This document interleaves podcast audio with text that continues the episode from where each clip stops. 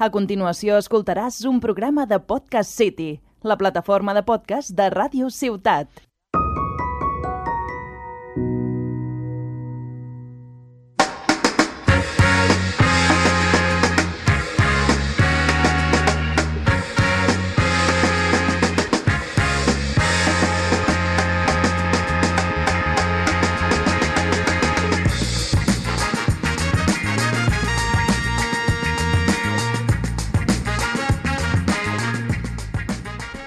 ¿Qué pasa, Peñita? Aquí estamos, que no panda, el único programa 2x16, ¿eh? Increíble. ¿Qué hacemos aquí todavía? De verdad que me aspen, compañero. Aquí Cúbito de ayer a los mandos y me acompaña Radio Puto. ¿Qué tal, compañero?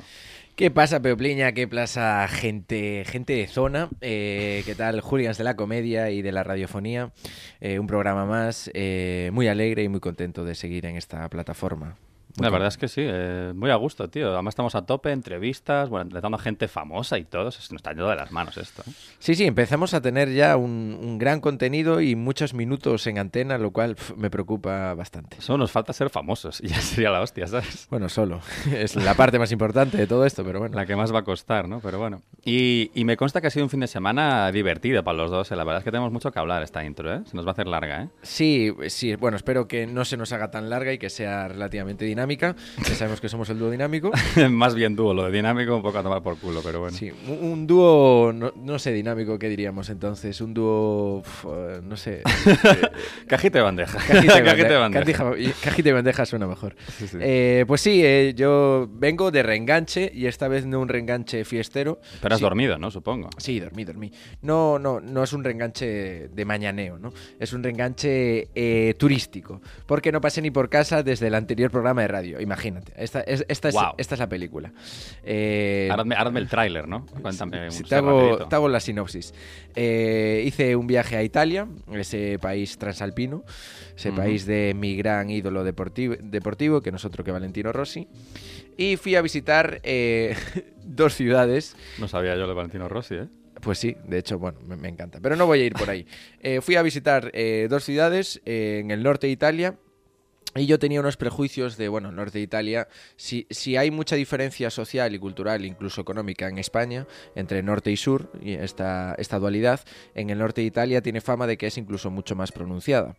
Eh, y yo iba con este prejuicio y quería contrastarlo en qué parte es cierto y en qué no, porque yo ya conocía la parte del sur de Italia, la parte de Sicilia, principalmente la- una de las ciudades, una de las más importantes, está en Nápoles, yo conocía Palermo, y esta vez fui al norte a conocer Génova y Milán. Porque Pero tú fuiste allí no de visita, fuiste a- de inspector. O sea, a comprobar que efectivamente había diferencias. Sí, ¿no? sí, como un inspector turístico de la Unión Europea, decir, bueno, a ver, ¿este, este, este prejuicio se cumple o no? Con una lista, ¿no? Y anotando los checks, vale, esto sí, esto no, tal. Exacto. Y fui a, a Génova, eh, la ciudad eh, que es conocida por su importancia marítima en su día en el Mediterráneo sí, sí. y que tiene eh, como principal eh, marinero, entre otros, a Cristóbal Colón. Ah. Que hay mucha polémica de dónde es, pero hay como un acuerdo internacional, habiendo mucha polémica y mucha gente que lo reclama, entre otros Galicia reclama que Cristóbal Colón ¿Ah, es gallego, sí. Pero eh, lo- la oficialidad dice que es genovés, es de Que Génova. es italiano el, el Colón. Sí, Pues mira que yo pensaba que era de Colonia, de Alemania. no sé por de qué. Colonia Alemania. Claro, tío. Bueno, pues, Hombre, a pues ver. no. No, a ver, eh, Colonia, no sé si tiene mar, pero en Alemania mm, es conocida por muchas cosas en la historia, principalmente todas malas, Todas chungas. pero no por hacer excursiones eh, comerciales a Sudamérica. De hecho, eh, no tiene ninguna colonia en Sudamérica. Vale, descartado ya este dato a la mierda. Como tantos en este Pues programa. no, es, es genovés. Bueno, eh, pero no va por ahí. Fui a Génova y es una ciudad así un poco de mierda, la verdad. un poquito de mierda, como Porque que... es bastante sureña, no es tan norteña. Fíjate que, fíjate que sureña ya tiene una connotación despectiva en nuestro Sí, vocabulario. mm, más que nada por Estados Unidos, por los, bueno, los rednecks famosos del sur que estaban un poco Exacto. locos. Pues eh, es sureña en el sentido de que, bueno, Italia no tiene la conciencia medioambiental que tiene nuestra cultura, yo creo, y hay Hombre. bastante, eh, al menos en, en la ciudad, y no hay, eh, no es una ciudad limpia en sí, hay mucha basura. Venecia ya, por ejemplo, no sé dónde está, ¿eh? comparado con con Venecia Génova, también pero- está en el norte, pero en la parte este, no en la parte oeste. Bueno, el tema, eh, que Génova podéis ir, eh, se come bien, no es exageradamente barato, ni mucho menos, es bastante más caro que vivir en Tarragona o en Galicia, y está bastante sucia la ciudad, tiene un puerto muy importante, bien. Y luego fui a Milán, que Milán... es otra ciudad infinitamente más grande, mucho más importante y es una de las capitales de la moda que se la discute con, con París y sobre todo la, la capital del diseño de interiores. La Y bien. capital de la moda, hostia. no Es una de las dos, siempre hay esa rivalidad entre París y Milán, ¿cuál es la capital de la Las dos son carísimas, básicamente. Compiten a ver quién es más cara, porque son las dos un, una estafa que flipas, ¿eh? Claro, y el mayor drama por donde viene el, el- mi mayor disgusto es que, bueno, Italia no tiene una tradición eh, como la nuestra, o como la alemana, o como la belga, o como la checa, no tiene tradición cervecera. Oh, Claro, y el problema es que es muy, muy, muy cara. Es decir, tú puedes comer una, un plato de pizza increíble, hecha por un pizzero magnífico, un maestro, por 7 euros y comer hasta reventar, pero una cerveza te vale 5 euros. o sea, como te entre la sed, pobre ti, como quieras eh, tomar una birra mientras comes, ¿no? Claro, que es- Se te quita el hambre, ¿no? Diríamos. Exacto, que es bien, bien paradójico porque un gin tonic en cambio vale 6 euros. Mm, Y la, que- y cerveza 5. Entonces, claro, me, me- me sabía fatal porque, claro, al final eh, lo- el desayuno con las tostadas de mermelada me lo tenía que tomar con un gin tonic. O sea, que hay una línea muy fina entre tomar un vermú y acabar de fiesta hasta las 2 de la mañana, básicamente. Sí, sí, yo era, eh, era pasta, pizza y, y Sigrans todo el A rato. tomar por culo. Que- ni que fuera italiano Sigrans, ¿sabes? pero nunca bebí tanto como, como allí. O sea que vengo un poco, un poco fit, un vengo, poco alcohólico también. Ah, vengo fit, vengo deportivo porque me pasé mucho por el gym. Hombre, en tu tónica. Exacto, En estoy muy atónico. Así que nada, pero bueno, tú también viajaste, ¿no, Cubito? Sí, sí, yo, bueno, fui a Galicia, o sea, que, que te voy a hablar de drogas, que decir así, alcohol, bueno, con un vaso de agua, ¿sabes? Exacto. El precio mucho más asequible, quiero decir, que te voy a contar. Pero sí, sí, lo pasé muy bien, tío, fiesta locada, porque en Santiago coincidió que había una batalla de gallos. Esta- Bueno, esto de raperos, ahora igual gente que aquí imaginando que somos unos putos gañanes juntando dos gallos en un ring metiéndose de hostias. No, por favor. Eso es ilegal. ¿Qué? Batalla de gallitos, XXI, ¿eh? más La bien. gente sabe lo que es una batalla de gallitos. Bueno, tranquilo. eh, no sé, no lo tengo muy claro, ¿eh? No eres tan chungo como te crees. Ah, igual, igual voy, voy como, que me, como que me sobra la calle, pero no tengo ni media cera, ¿eh? la verdad, un poco lo con la broma. No, pero muy guay, una batalla de gallos que yo me perdí porque yo no fui a eso. Eh, yo fui a La Ruina, un show de comedia que recomiendo, muy, muy guay, la verdad. De hecho, que íbamos a ir Lucas y yo juntos. eh, spoiler, Lucas se quedó dormido y no pudo venir. Bueno, la versión real es que estaba de fiesta y se le pasó, le fue un poco de las manos y no tenía culpa llevar el coche a Barcelona, que es un poco No, esto, no, ¿verdad? no. La DGT no aprobaba La DGT, la DGTA sí, pero la DGT no lo aprobaba. Exacto. Entonces tuve que ir yo solo y como soy muy pesado, porque soy muy pesado, y en ese programa sacan a la gente al escenario que cuente una ruina. Entonces yo quería contar mi ruina, ¿sabes? Entonces digo, pues vuelvo otra vez, me cago en la puta, y los persigo, hostia, fui a Coruña y a verlos. Y no me sacaron, no me sacaron, no hubo suerte, pero bueno, me lo pasé muy bien. El coño es que cuando llegué a Santiago, pues un fiestón que flipas, ¿vale? Que te cagas, o sea, la batalla de gallos, imagínate, se reunió allí pues todo el corral. O sea, había allí gente de Lugo, de Coruña, de, bueno, de todas partes. Había un ambiente que flipas. Y me acuerdo que, claro, yo no tenía canutos, tío. Drama, ¿sabes? Porque... Sí, sí, yo también me quedé así. Estaba de, de- de- de vuelta de Coruña en el tren pensando, me cago en la puta que yo todo flipado, no compré porros, tío. Digo, ¿ahora qué hago? Entonces, claro, yo me acuerdo de la reserva que tengo en la terraza. La dejé a allí. día de hoy viviendo en Tarragona una tienes una reserva allí. Hombre, chaval. Yo a ver, vamos a ver. Aquí hemos hablado del kit de atardecerista profesional que llevo a todos lados. O sea, yo estoy preparado siempre para Claro, todas las situaciones. Hay Hombre, arbustos de Santiago que donde tienen Hombre. escondidas cosas tuyas. que no son arbustos, parecen arbustos. No, no, ya te lo digo, son míos. o sea, son de mi Los propiedad. planté yo para esconder cosas. Hombre, chaval, bueno. Y me acuerdo que dejé un tarrito, rollo como de Winnie the Pooh, lleno de miel, sobre hojuelas, más bien hojas, hojuelas, ¿no?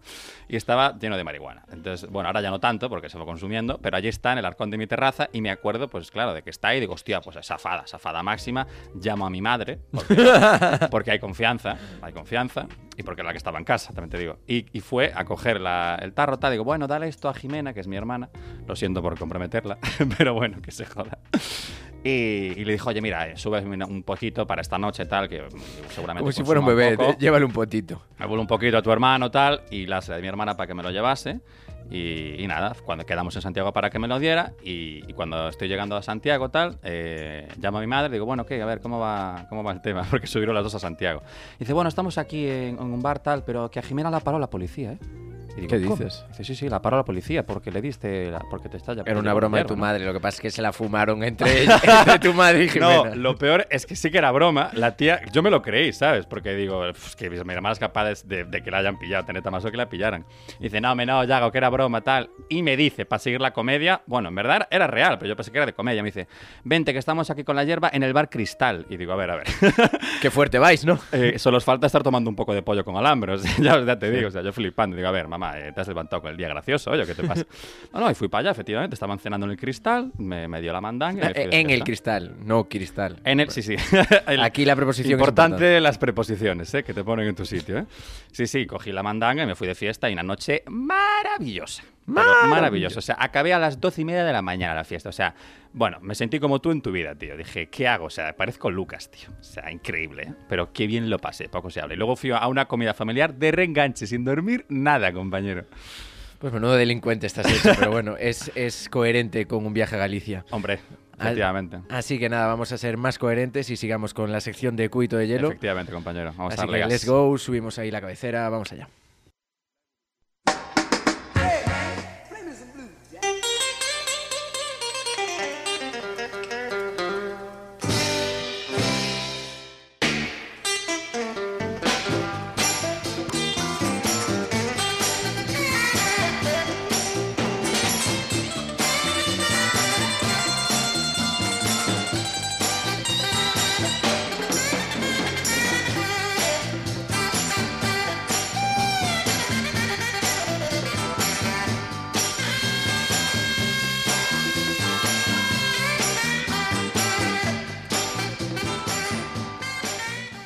Aquí estamos de vuelta y, por supuesto, como no podía ser menos, nueva cagada del Becas al orden del día. Yo ya no sé cuándo es a propósito y cuándo no. Yo, Es un comediante, ya se yo contagia. ya pecho descubierto. O sea, yo ya me da igual, tío. Mira, hemos venido aquí a jugar y, Lu- y- y el, el Becas, tal cual, literal, a jugar. O sea, esto en serio no se lo toma, por lo que veo, pero ningún día. Pero bueno, habrá que seguir, habrá que hacer nuestro trabajo y nada, vengo con una sección fresquísima y tan fresca que voy a hablar de las tareas domésticas, compañero. Estupendo. Es un, Estupendo, es un tema- tema cotidiano. Cotidiano, ameno, ameno, familiar, que se deja, se Todo, deja todo el día hay alguna que otra tarea doméstica. Efectivamente. Y, y además, ahora eh, es importante hablar de esto y me, y me gusta tratarlo porque me voy a mudar de piso. Eh, recordaréis que estaba viviendo con Ley y, y muy bien. Te lo voy a negar, la quiero mucho. No te lo voy a negar. Te lo voy a negar, la quiero mucho, pero como amiga. Como compañeros de piso, ahí ya fue un poco más problemático porque, bueno, tenemos nosotros dos nuestras manías.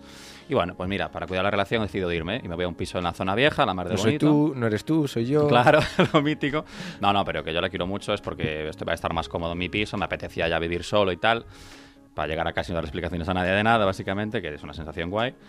Y ahora, claro, he estado pensando, hostia, que ahora todas las tareas domésticas me van a caer a mí, ¿sabes? O sea, La totalidad. Ojo, cuidado. Porque en el piso donde estaba ahora, leí la verdad hacia la mayoría, y tengo que ser sincero. Y ahora, ojo, voy a tener que arrimar el hombro de cuidado, ¿sabes? El hombro y la cartera, principalmente. La cartera también Sí, va a ser interesante. Va a ser de, de low cost, no, de low cost. De, de high cost. de high cost. Y, y bueno, quiero hablar de tres puntos que creo que son clave en las tareas domésticas. Primero, limpiar los platos. O sea, clave. Bueno, para el que no tenga lavavajillas, claro, hablamos dentro del nivel usuario, burguesía fuera, ¿vale? Aquí gente que lave los platos, a lo tradicional, ¿vale? Old school. Y aquí hay tres tipos de personas. Los que los frían y los que no. Aquí, guiño a los Simpsons. Guiño a los Simpson. ¿Dónde está la batería cuando te falta, becas? Eh, otra, otra vez con el puto Clash Royale, de verdad, ¿eh? Es Ay, que, ay, ay, a es tono, que a ni la música, ni la batería. O sea, este- ¿qué haces? En defensa del Becas, sigo sin jugar Clash Royale. Yo no sé de dónde coño se lo han sacado. No, No, sé, no, es una broma co- que, permanente como la de Bilbao. No sé, tío, pero estás otra vez, otro día que no hemos mencionado la anécdota de Bilbao. No nos dio tiempo una vez No nos más. dio tiempo. Bueno, es que claro, tenemos mucho que contar hoy, tío. ¿qué Vamos a hacer.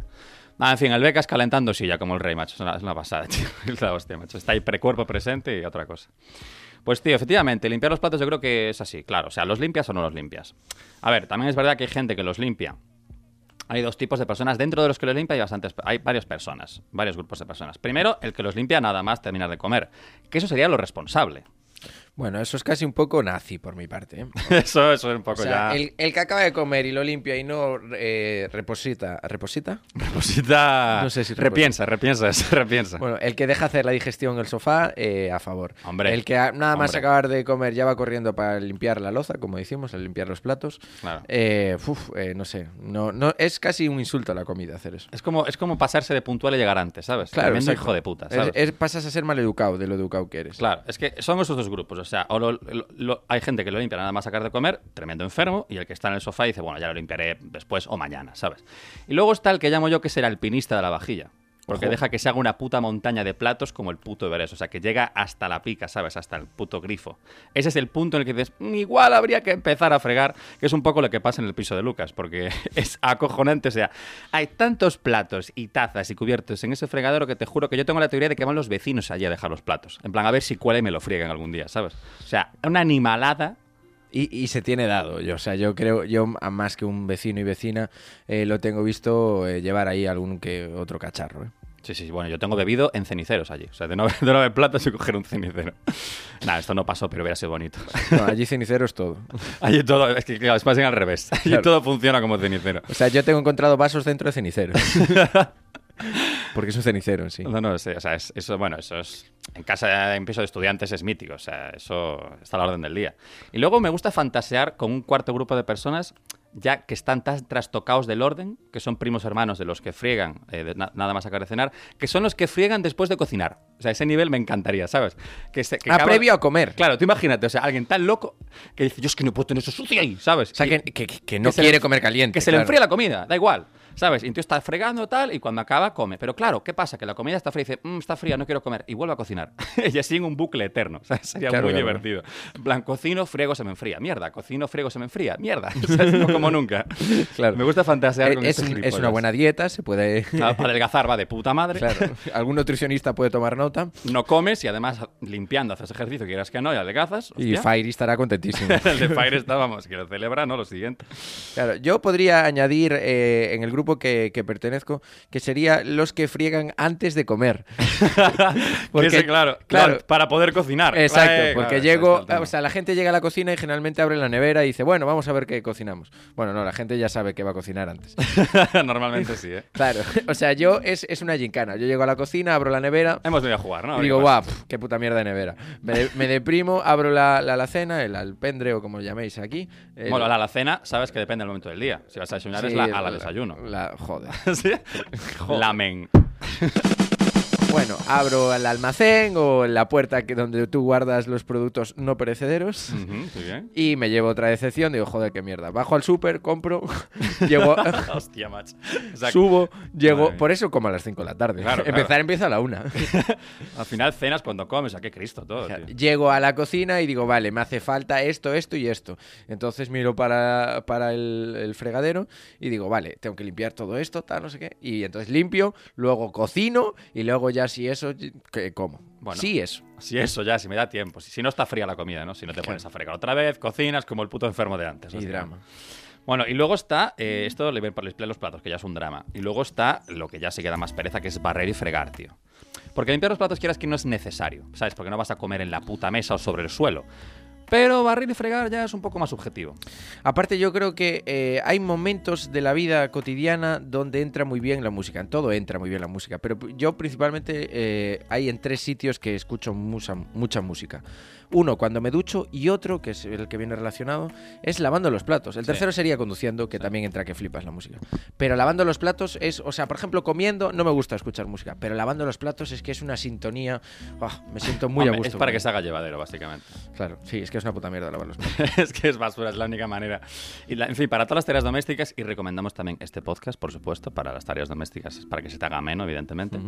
Una buena compañía. De hecho, probablemente alguien nos está escuchando lavando los platos ahora mismo. Sí, ¿eh? Mm, mira cómo. Así lavaba, así, así, así lavaba, así, así, así lavaba, que yo lo vi. Mítica canción. Sí, sí. Una rumba aquí nos montamos. Venga, becas, anímate ahí, hostia. También existe el remix de así metí, así, así, así Vale, no, metí, no. así, así, Máteme, por favor. así, así metía por la nariz. que yo te vi varias veces. No, pero lo de barrer y y fregar. repetí. Joder, macho, es imposible centrarse en este programa.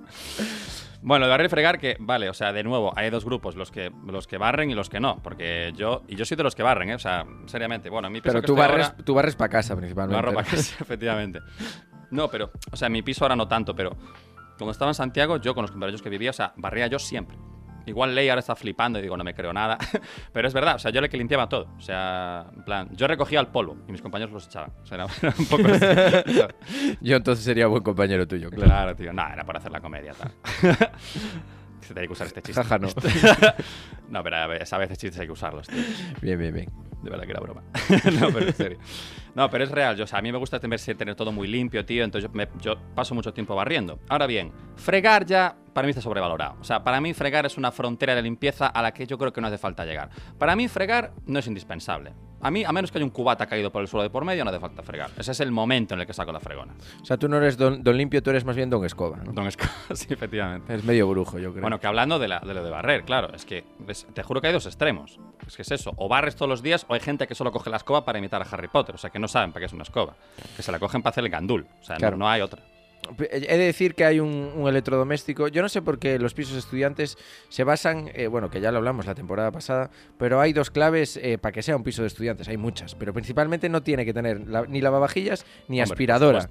Que es como, joder, una aspiradora tampoco es tan cara, ¿sabes? Que hay un acuerdo entre caseros para que ningún piso de estudiantes Pero ya le tenga el- aspiradora. pero ya no es lo mismo, ya le Porque quita la gracia. una escoba en verdad es una puta mierda, es más mover el polvo que quitarlo. Sí, quitarlo, efectivamente. La mítica raya que se te queda ahí, que hostia, ojalá poder meterla, ¿eh? Porque estoy la pobre pidiéndola en el suelo, ¿eh? Ahora, ¿Esto es otra referencia a tu viaje a Galicia o cómo va? Sí, aún sigo allí, sigo con la cabeza allí. Consejo, si le dais la vuelta mm, 90 grados a la pala, podéis recogerla, ¿eh? La línea esta que queda de última. Es un consejo. Ah, ¿eh? yo pensé que le- de- me referías a que dar la vuelta 90 grados a lo que viene siendo el- la casa en sí. Que Yo, pe- yo ya- pensaba al móvil, entonces me cae la raya al suelo, compañero. No, no lo veo práctico, la verdad. Pues la nariz debajo. claro. Entonces, como. No sé. y como cuando limpias una mesa con Efectivamente. En mis tierras lo llaman la aspiradora. eso. Ah, Hostia, en mi tierra, carajo, no sabía yo que allí. Bueno. Pensé que estaban En otras cosas. Latinoamérica no se mete en coca, ¿no? No, no. No, eh, pensaba que solo la vendían. para nada, para Te lo nada. juro. No, pero bueno, y ya, ya la última frontera, última tarea que yo creo que es la tarea estrella, que es hacer la cama. O sea, cosa más sobrevalorada, por Dios, en esta vida. O sea, yo creo que le he cogido asco porque mi madre de pequeño siempre me hacía hacerla, tío, todos los putos días. Y yo te lo juro, me parece una chorrada, tío, porque la cama es que la deshaces en cero coma. O sea, una siesta tonta que te echas a media tarde y ya tomar por culo la cama. O sea, me parece una chorrada, tío. Y luego, claro, tenía que aguantar a mi madre, pero ya hago la cama, tal. La tía, ¿sabes lo que me decía? Porque yo le decía, mamá, es que eso, hacer la cama, ¿para qué si le vas a deshacer? Me dice, Yago, mira, esa teoría es Es como ducharse. no, no, es como decir, no me limpio el culo porque voy a volver a cagar. Claro. Y yo, a ver, mamá, mm, vamos a ver, hay una pequeña diferencia. O sea, la cama sin hacer no huele a mierda, ¿sabes? Es un pequeño detalle. Yo soy eh, del team. Bueno, a- yo la cama no me gusta hacerla, a mí me gusta más deshacerla y si es en grupo, mejor. Hombre. Eh, pero En grupo, dice, ala, sobrado, chaval, madre mía. sí, ya no, ya no acompañado, en grupo. Yo para follar con una persona paso. Así, así vamos. A mi dos mínimo. Eh, no, yo soy fan de, de cubrirla, no hacerla. porque- Cubrirla, ojo, ¿eh? Cubrirla. Porque hay gente que, que, o sea, por ejemplo, en mi, en mi familia lo que hace es quita las sábanas, abre las ventanas, cuelga las sábanas de la ventana, ventila la Oh, habitación vale, y luego vuelve a hacer la Ventilar a favor, totalmente. No, pero quitando sábanas. Uy, Quita uy, todas uy. las sábanas, las ventila colgando de, de la ventana. Pero eso es casi más complicado que hacerla. Estáis Claro. loquísimos. Y luego, una vez que el colchón. No, no, espérate, al colchón se le da media vuelta, como si fuera una tortilla. Pero, Y luego se hace la cama.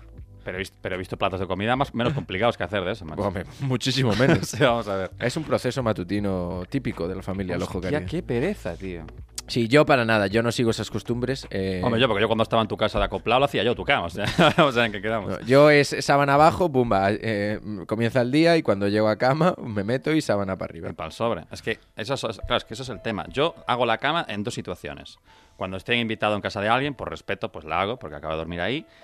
Y la otra es cuando voy a follar. O sea, ahí sí hago la cama. O sea, si sé que voy a quedar con una chica y la voy a llevar a casa, mm, ahí hay que hacer la cama. A ver, sí, ahí hay que hacer la cama. Yo la tengo hecho. ¿eh?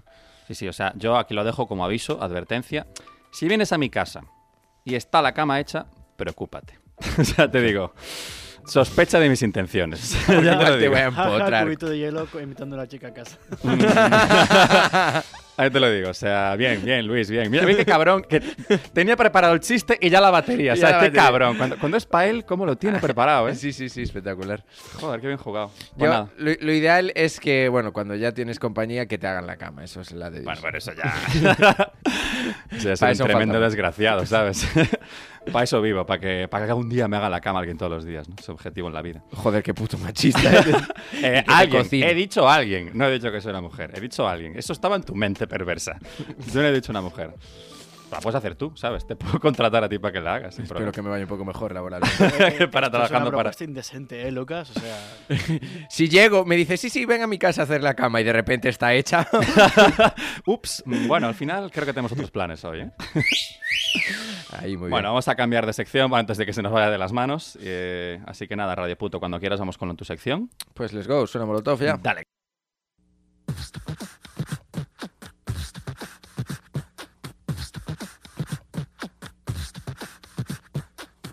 Machino, muy machino, marica nena, más bien putino, que muy machino, a muy machino, marica nena, más bien putino, que muy machino, a muy machino, marica nena, más bien putino, que muy machino, a muy machino,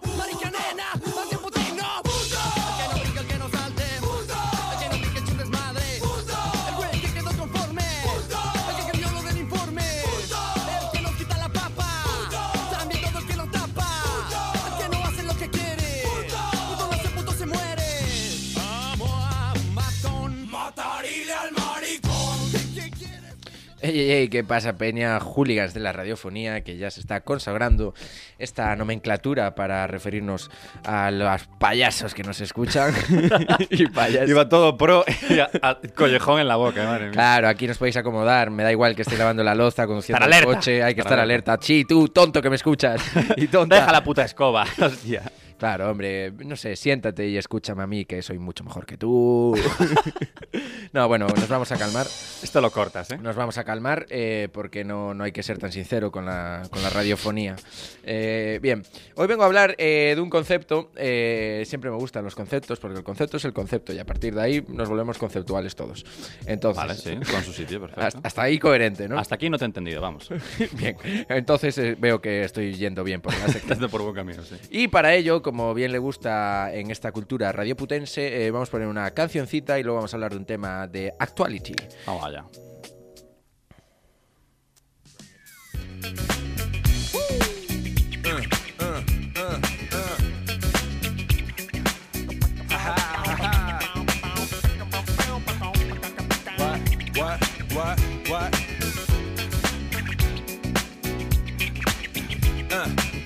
On your mark, ready, set, let's go. Dance floor pro, I know, you know, I go psycho when my new joint hit. Just can't sit, gotta get jiggy with it. Ooh, that's it, now honey, honey, come ride. DKNY, all up in my eye. You got a Prada bag with a lot of stuff in it. Give it to your friend, let's spin. Everybody looking at me, glancing at kid. Wishing they was dancing a jig here with this handsome kid. Sick a cigar right from Cuba Cuba. Just bite it. It's for the look, I don't light it. Ill way to ammo on the hand, stay play. Give it up, jiggy, make it feel like foreplay. Yo, my cardio is infinite.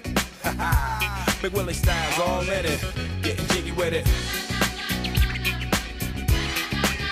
Getting jiggy with it. Getting witty at it. Más o menos. Espera, repite, repite. Vamos a volver a with intentarlo, it. ¿eh? Pues sí, este es el payaso, este sí que es payaso y no como vosotros. Este es nuestro querido príncipe de Bel Air que no está viviendo su, Su mejor momento ahora mismo, ¿eh? La verdad, tiene que estar en casa un poco jodido, ¿eh? Exacto. Este es nuestro querido Joe Robot, también, nuestro Men in Black. Y, y ahora nuestro triste amigo Will. Eh, Tal cual, ¿eh? exacto. Eh, para, Hello, darkness, my old friend. Básicamente. para contextualizar a la gente que, que no vio el periódico en esta última semana. Bueno, o que no cogió el móvil, vamos a ver, está en todas partes esa hostia, o sea, está en la sopa, vamos a ver. Sí, Getting Jerry Were. Y hostia. La nueva palma de Gran Canaria. Rock. Pues sí, eh, lo que pasó en la gala de los Oscar es que el presentador eh, Chris Rock se refirió, hizo una broma de mal o buen gusto, dependiendo. Aquí ya, claro, es que... Esto es opinable, esto lo vamos a comentar después, sobre la alopecia eh, de JD Pinkett, que no es la pareja de Will Smith, es JD Pinkett, aparte de la pareja de Will Smith, tiene nombre propio y hay que referirse a ella como JD Pinkett, no como la mujer de Will Smith. Bravo, Eh, bravo, bien. bravo, muy bien. Y se refirió por el Teniente O'Neill, en una película en la que eh, la actriz principal eh, era, estaba rapada, y se refirió que, bueno, a ver cuándo vemos eh, la segunda parte de la peli, jaja. O sea, que tampoco fue una broma exageradísima, ni mucho menos. Vamos, hombre. Y el bueno de Will, Anda, que Will nos hartaba a repartir hostias en Galicia, madre mía, chaval. claro, o sea, eh, Se hacía cura, eh, te lo digo, ¿eh? o sea, madre mía. Si, si, si la línea es tan delgada en este programa de radio con todas las barbaridades que yo digo, o sea, aquí en, cua- en cuanto Digamos abro la puerta ¿eh? del estudio me tienen que dar una somanta de tortas que, bueno, Hacías un programa y ya, con suerte, ¿sabes? Claro, claro, y luego paliza criminal y para la UCI. Pero bueno, entonces eso, eh, Chris Rock eh, hizo esa broma y Will Smith eh, se levantó, golpeó un buen derechazo a mano, a mano abierta, es decir, verdad es que sí, bien ejecutado, ¿eh? bien ejecutado, pero ta- es decir que eh, si él lo ejecutó bien, el Chris Rock recibiéndolo lo recibió mejor. Hombre, dijo, "Esto- a ver, esto es un espectáculo, el tío tiene que ir a favor del show. Vamos Claro, claro, claro, es un showman. El tío la había venido y dijo, vale, tengo que hacer lo mejor posible para, Claro, para ir a favor. Puso ¿sabes? cara, tensó muelas, mano Claro. atrás, porque puso manos atrás y, y ¡plas! Es que mucho se habla de la hostia, pero poco se habla del recibimiento de la hostia. ¿eh? Claro, no, no, espectacular. O sea, yo aquí eh, el recibimiento mucho mejor. Eh, y bueno, entonces luego se fue a su asiento y no solo ese acto que yo creo que es rechazable, que a mayores dijo, saca el nombre de mi mujer de tu puñetera boca reiteradas veces. Puñetera y fuiste muy educado, ¿eh? Eh, de sí. tu puta boca, dijo De literalmente. tu puta boca. De tu puta boca. The fuck your mouth. O algo, algo así. Fucking mouth, bitch. Algo así. Bueno, creo que I no. think the same. I think the same. Bien, entonces aquí eh, yo me paré a analizar porque hubo eh, muchas malas acciones en este. Yeah, bitch. No, no solo la, la acción de Will Smith, sino ah, es- fue todo mal en la gala de los Oscars. primero, el primer acto eh, reprochable eh, fue este acto violento de Will Smith, que vamos, es totalmente reprochable y que aquí no, no hay debate. No hay debate y quien tenga un debate, sí, sí, eh, pues es que eres un puto nazi. Básicamente. Bueno, el debate si la hostia podía haber sido mayor también, ¿eh? Quiero decir, pero bueno. Bueno, Poco me parece. No, no. Luego, eh, o- otra cosa que se hizo mal, que es en caso de que se ofenda, quien se tiene que manifestar es Jade Pinkett, que es Ya, al- pues a la sí. quien agredieron. Efectivamente. O sea, eso en caso de que te ofenda, que esto también es, Ya. también es debatible. Efectivamente. Pero en caso de que tal, quien tiene que responder es ella. Ya. Will fue de machito alfa allí a dar la nota un poco. Exacto. Y nosotros ni los alfas ni los betas. Aquí todo mal. Nosotros el único, los machos Gamna, Gamna Style, Hay que, ser, hay que ser un macho sigma. Macho Sigma. ¿qué es eso, tío? Otra letra griega. No, ya, gracias. Pero, no, el pero- término existe, pero. pero claro, vamos. pero la comedia no está en ningún lado. Decir, Sigma, bueno. En fin, hay que trabajarse los chistes. Vamos. Vale. eh, Hay que trabajar a secas. luego, otra. Ahí estás, Oh, compañero. buen Eso sí que shoot. sabes hacerlo bien. Eh, luego, otra parte muy reprochable es que Chris Rock justificó a Will Smith a posteriori. Ah, bueno, claro, porque él va a favor del show, a quedar bien, tío. No, no, pero no bien. solo recibió la hostia, sino él dijo que, bueno, vale, bien, me había pasado, eh, me tenía que haber dado una hostia. Lo cual dije, joder, eh, no. o sea, no, sé en qué quiérete mundo un vives. poco más, tío. claro. Luego, otra parte, es que esto fue una, una rueda de, de malas acciones y de malos pensamientos por parte de la sociedad. Porque luego hubo muchísimos hombres defendiendo a, a- y digo hombres porque eran exclusivamente hombres, Mm. machos, eh, trogloditas, eh, defendiendo a Will Smith.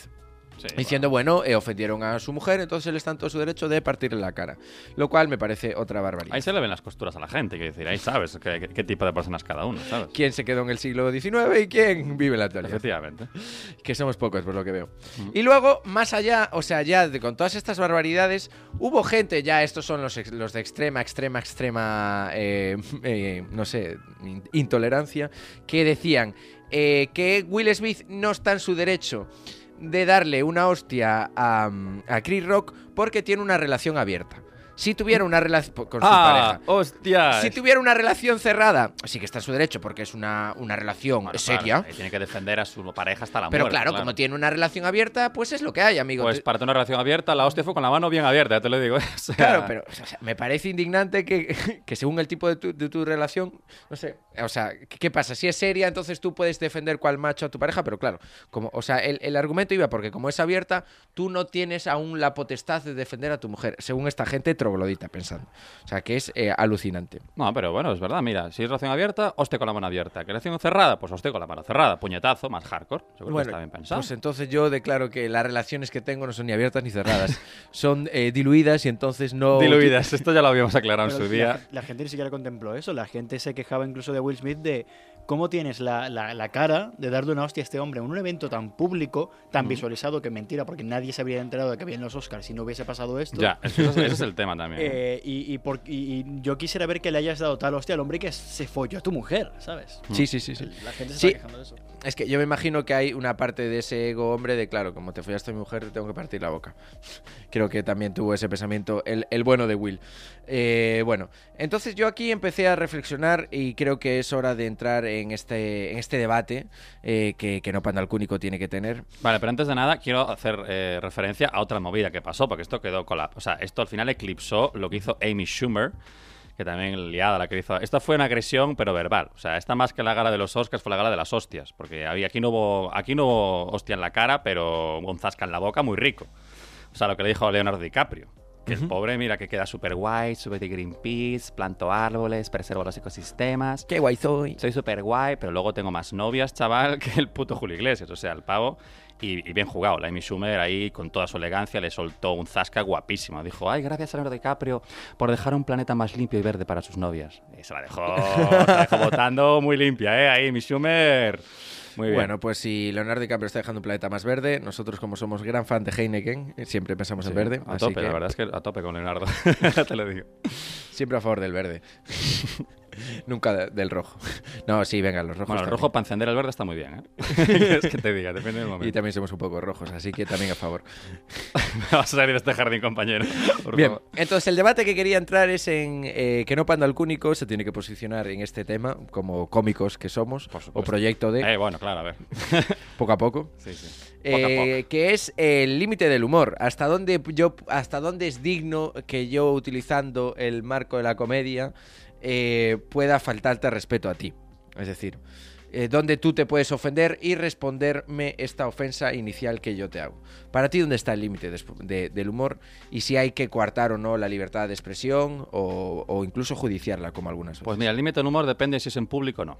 depende si lo estamos haciendo en la radio, por ejemplo, para que lo escuche la gente o no. Si estamos en privado, pues si estamos haciendo entre nosotros dos, pues mira, ahí puedes decir lo que quieras. O sea, ma- malo será que me ponga Will Smith y te parta la boca. Claro. decir, ¿sabes? Puto gilipollas, tal, no sé qué. Claro. Pero Entra en bien. público ya el límite del humor es delicado, ¿sabes? Es delicado. Ahí ya cuando tocas temas personales es jodido. También depende de cada uno cómo se tome las ofensas, ¿sabes? Pero es un tema muy jodido, tío. Es un tema Vale, muy jodido. sí, yo te lo compro, eh, creo que influye muchísimo el contexto, es decir, yo no puedo ir a una, a, a un, yo qué sé, me invitan, imagínate, por X cosa en una vida paralela, a un, eh, a un yo qué sé, seminario eh, uni- universitario. No te veo yo que te estén invitando a un Y seminario un- universitario, la verdad. Y tengo que hacer una ponencia. A ver, como porrólogo sí.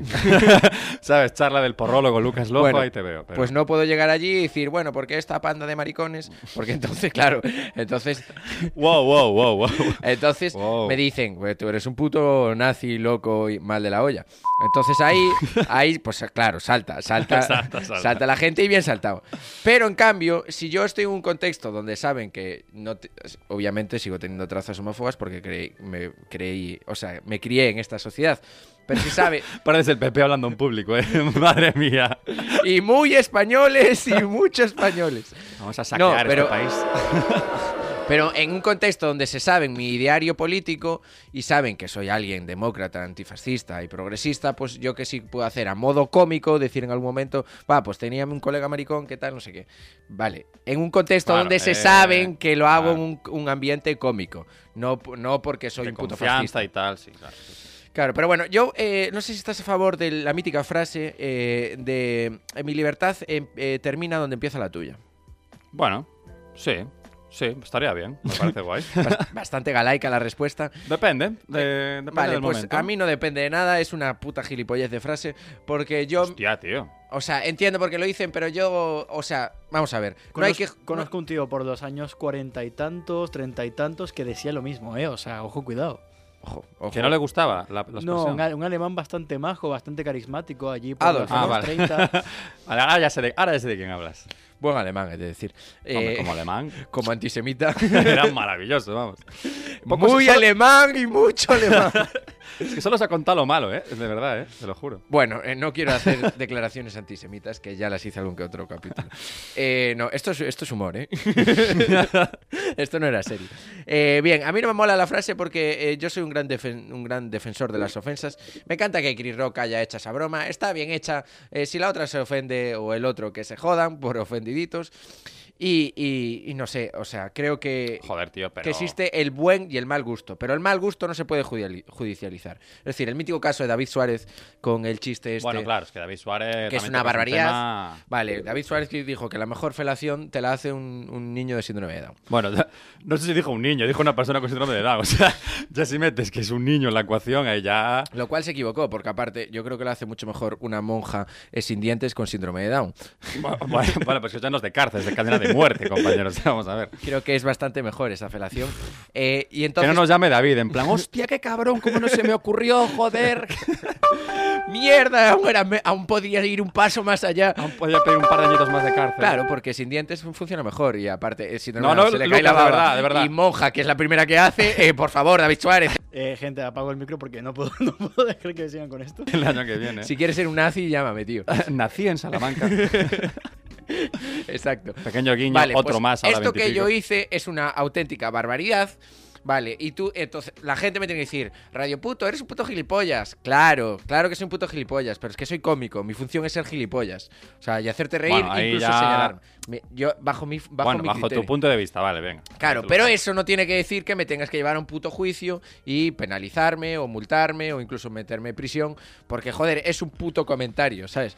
Hmm, Es que yo creo que todo depende de la actitud con lo que lo hagas, ¿eh? Por eso, eso es clave, tío, la actitud con la que hagas ese chiste. O sea, en Twitter, claro, es que al hacerlo en internet, la gente lo puede interpretar como quiera. Esa es la putada, ¿sabes? Que no lo haces en directo, en un show en concreto, un contexto, con una. ¿Sabes? Bueno. La gente lo puede interpretar como quiera. Entonces, claro, ahí es jodido delimitar eh, hasta qué punto está mal o está bien hacer ese chiste. El chiste es gracioso. eh, Sí. Pues sí, te lo compro. Te lo compro. Claro. Porque mira, yo creo que hay que meterse con todo el mundo por igual. Pero que aparte que yo creo es que eso. años atrás, eh, joder, yo me acuerdo cuando era niño, nadie em, criticaba o nadie llevaba ahí, uh, nadie se cuestionaba los chistes de Irene Villa. Todo, Bueno, todo el claro. mundo, bueno, a ver, sí lo había, sí había gente que se lo cuestionaba. Irene, en concreto. de apellido Villa, no me digas más. Apellido Villa. No era David Villa, era Irene Villa. No, pero es claro. La guaja le llamaban. La guaja. Porque, bueno, que de con las piernas como un guano, en fin. No, no, no, no, no. no, Oh, este programa espero Este que nadie programa está muy censurable, la verdad. ¿eh?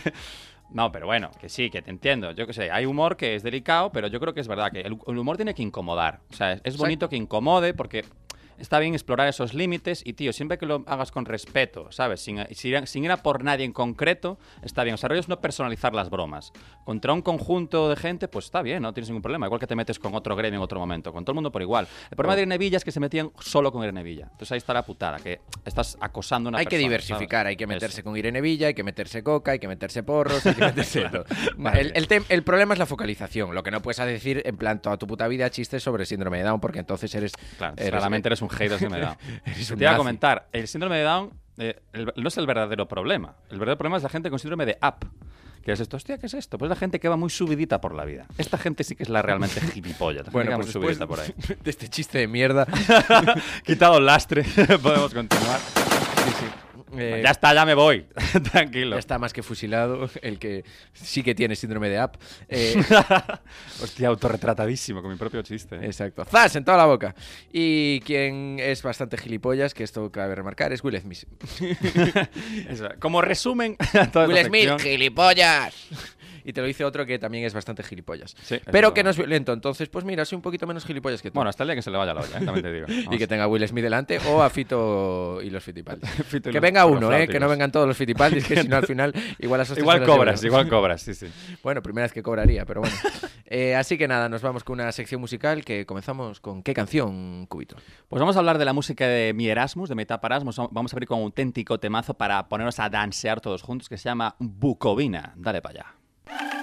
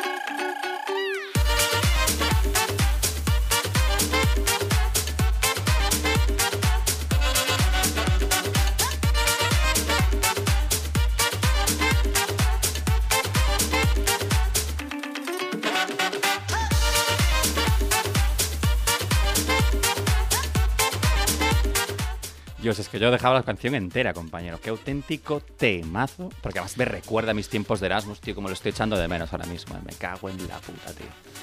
Bueno, sí, era, era muy buen tema, me encantó, de decir. Hostia, es un Ya lo conocía, lo, lo viví allí, porque yo te visité en. Efectivamente, vino a visitarme a Partislava, que es como lo llamo yo, porque en vez de Bratislava, todo el mundo lo llama Partislava, porque era la ciudad de la fiesta. O sea, Sí, sí, allí eh, había la broma eh, como de Flores Lava, de- era como de Party Slava, De entonces claro, era el único donde podías andar por el, por el suelo, era cuando había party.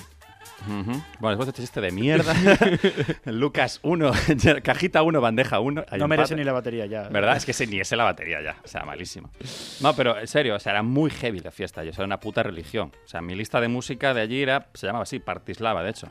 Y este temazo, me acuerdo que me lo ponía un compañero mío, Alberto, que estaba en una. Porque allí vivíamos en, en bloques de cuatro habitaciones, 10 personas compartiendo un baño. Eso sí que era una fiesta. La fiesta Era de la mucho peor que la cárcel aquello. Yo fui dije, Bastante peor "Madre, que la cárcel". mira, la Party Slava, pero la residencia es shit, ¿eh? Yo te lo digo, ¿eh?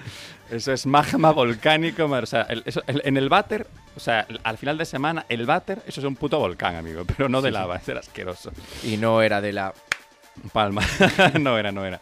No, era, era, era, la verdad es que era muy heavy. Y me acuerdo que cuando íbamos, salíamos de fiesta nos poníamos en plan comuna, todos allí, ¿sabes? Afeitándonos, lo mítico, arreglándonos, tal. Y poníamos esta canción arreglándonos, para venirnos arribísima. Pero luego llegabas a la discoteca, tío, y da igual donde estés, en Polonia, en Bratislava, en Viena, es que da igual. Al final vas a una puta discoteca y ¿qué ponen siempre? ¡Reggaetón! Reggaetón de mierda, tío. Es que es la hostia. Reggaetontos. De reggaetontos, tío. Que, que lo siento, pero es así. eh, Es así, o sea. Y lo, lo que me llama, llama la atención es que, mira, en España lo entiendo, porque, bueno, esto es muy popular, además lo hacemos Cultura aquí en latina. Latinoamérica, es, eso, cultura latina, entendemos el, el idioma y tal, pero hostia, en Alemania, tío, una discoteca de Berlín. Juan pongas- Magán, electro latino. Juan Magán, eh, ¿cómo era? Electro latino. Bailando Ah, por ahí. No, ese que, que es temazo, por cierto. Pero electro latino. O sea, me hace gracia los dos segundos esos ya. sí, sí. Pero es muy curioso que pongan esa música en, en una ciudad europea, ¿sabes? Súper europea, porque es que la peña allí no entiende nada de lo que están diciendo en la letra. O sea, es patético ver a las tías bailando esa canción, en plan, a todo perro, yo súper emocionada, y yo en plan, tía, o sea, tú sabes la cantidad de burradas que está diciendo de las pavas, y tú bailando aquí las gracias este notas, al Daddy Yankee. O sea, es patético, tío. A mí me parecía súper triste, tío.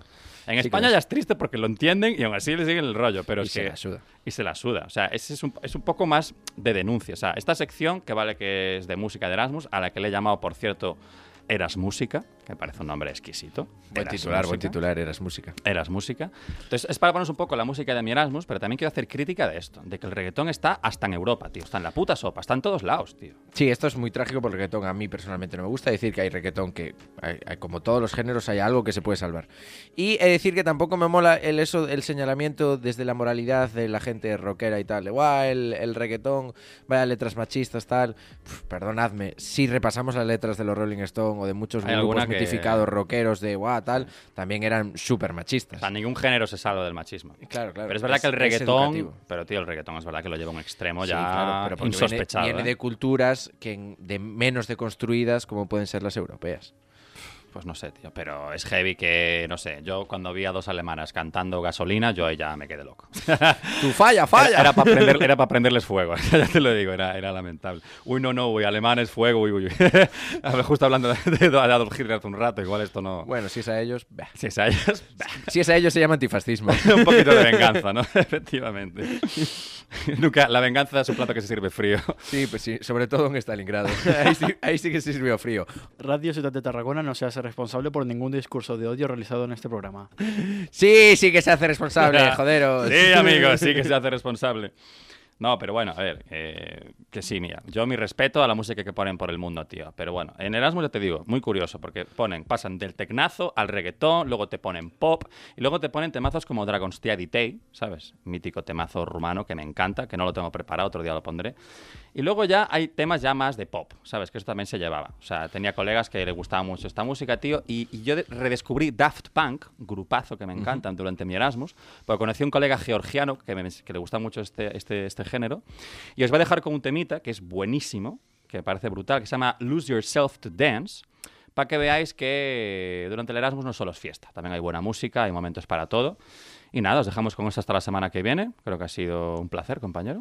Sí, sí, sí, el placer es mutuo eh, y sobre todo compartirlo con todos los oyentes Y hooligans. los- y hooligans, los panderos de, de este cúnico.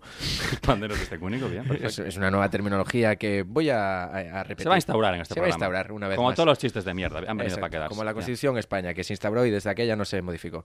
Así que nada. Pues nada, después- cajita, aquí lo dejamos. Pues venga, bandeja, hasta la semana que viene. Dale, dale.